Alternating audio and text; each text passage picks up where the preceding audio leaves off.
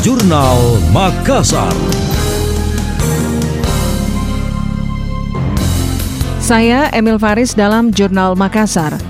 PLT Gubernur Sulawesi Selatan Andi Sudirman Sulaiman mengeluarkan surat edaran terkait pemberlakuan pembatasan kegiatan masyarakat PPKM. Surat edaran tersebut merupakan tindak lanjut instruksi Menteri Dalam Negeri Republik Indonesia nomor 54 tahun 2021. Andi Sudirman dalam surat edaran menyebut berdasarkan aturan pusat, indikator penetapan PPKM Kabupaten Kota kini memasukkan cakupan vaksinasi. Dengan demikian, PPKM Kabupaten Kota akan dinaikkan satu level apabila capaian total vaksinasi dosis 1 kurang dari 40 persen. Adapun PPKM level 2 ditetapkan untuk sejumlah daerah, yakni Kabupaten Pindrang, Enrekang, Lu Timur, Toraja Utara, Kota Makassar, Kota Parepare, dan Kota Palopo. Sedangkan PPKM level 3 berlaku pada Kabupaten Selayar, Bulukumba, Bantaeng, Jeneponto, Takalar, Goa, kemudian Sinjai, Bone, Maros, Pangkep, Baru, Sopeng, Wajo, Sidrap, Lu, Tanah Toraja, dan Lu Utara. Kendati menerapkan PPKM level 3, kabupaten kota dapat melaksanakan sejumlah aktivitas meski masih terbatas, seperti melaksanakan pembelajaran tatap muka PTM dengan kapasitas maksimal 50%. Juga untuk pelaksanaan kegiatan sektor non-esensial diwajibkan memenuhi standar maksimal kapasitas 50%. Sementara kegiatan pada sektor esensial seperti kesehatan, bahan pangan, makanan, minuman, pelayanan dasar, dan utilitas publik tetap dapat beroperasi 100%. Namun diwajibkan mengatur jam operasional, kapasitas, dan penerapan protokol kesehatan secara lebih ketat.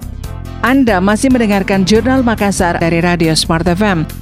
Kantor Gubernur Sulawesi Selatan direncanakan bakal menjadi salah satu titik lokasi pembangunan stasiun pengisian kendaraan listrik umum SPKLU oleh PT PLN Persero. Hal tersebut guna mendukung ekosistem kendaraan listrik di wilayah Sulawesi Selatan. General Manager PLN Unit Induk Wilayah UIW Sulsel Rabar, Awaludin Hafid mengatakan, perencanaan SPKLU yang nantinya berada dalam kompleks Gubernuran Sulawesi Selatan itu telah mengantongi izin dari pemerintah provinsi. Adapun pemberian izin itu diterima PLN pada saat momentum hari ulang tahun ke-352 Sulsel pada 19 Oktober 2021 lalu. Sebelumnya pada Juni 2021 lalu, SPKLU pertama di Sulsel sekaligus di wilayah Indonesia Timur telah beroperasi di kota Makassar, yakni di PLN Unit Layanan Pelanggan ULP Matoanging. General Manager PLN Unit Induk Wilayah UIW Sulsel Rabar, Awaludin Hafid mengatakan PLN terus melakukan percepatan guna mendukung terwujudnya era kendaraan bermotor listrik berbasis baterai atau KBLBB di Sulawesi Selatan. Salah satunya dengan membangun SPKLU di kantor Gubernur Sulawesi Selatan.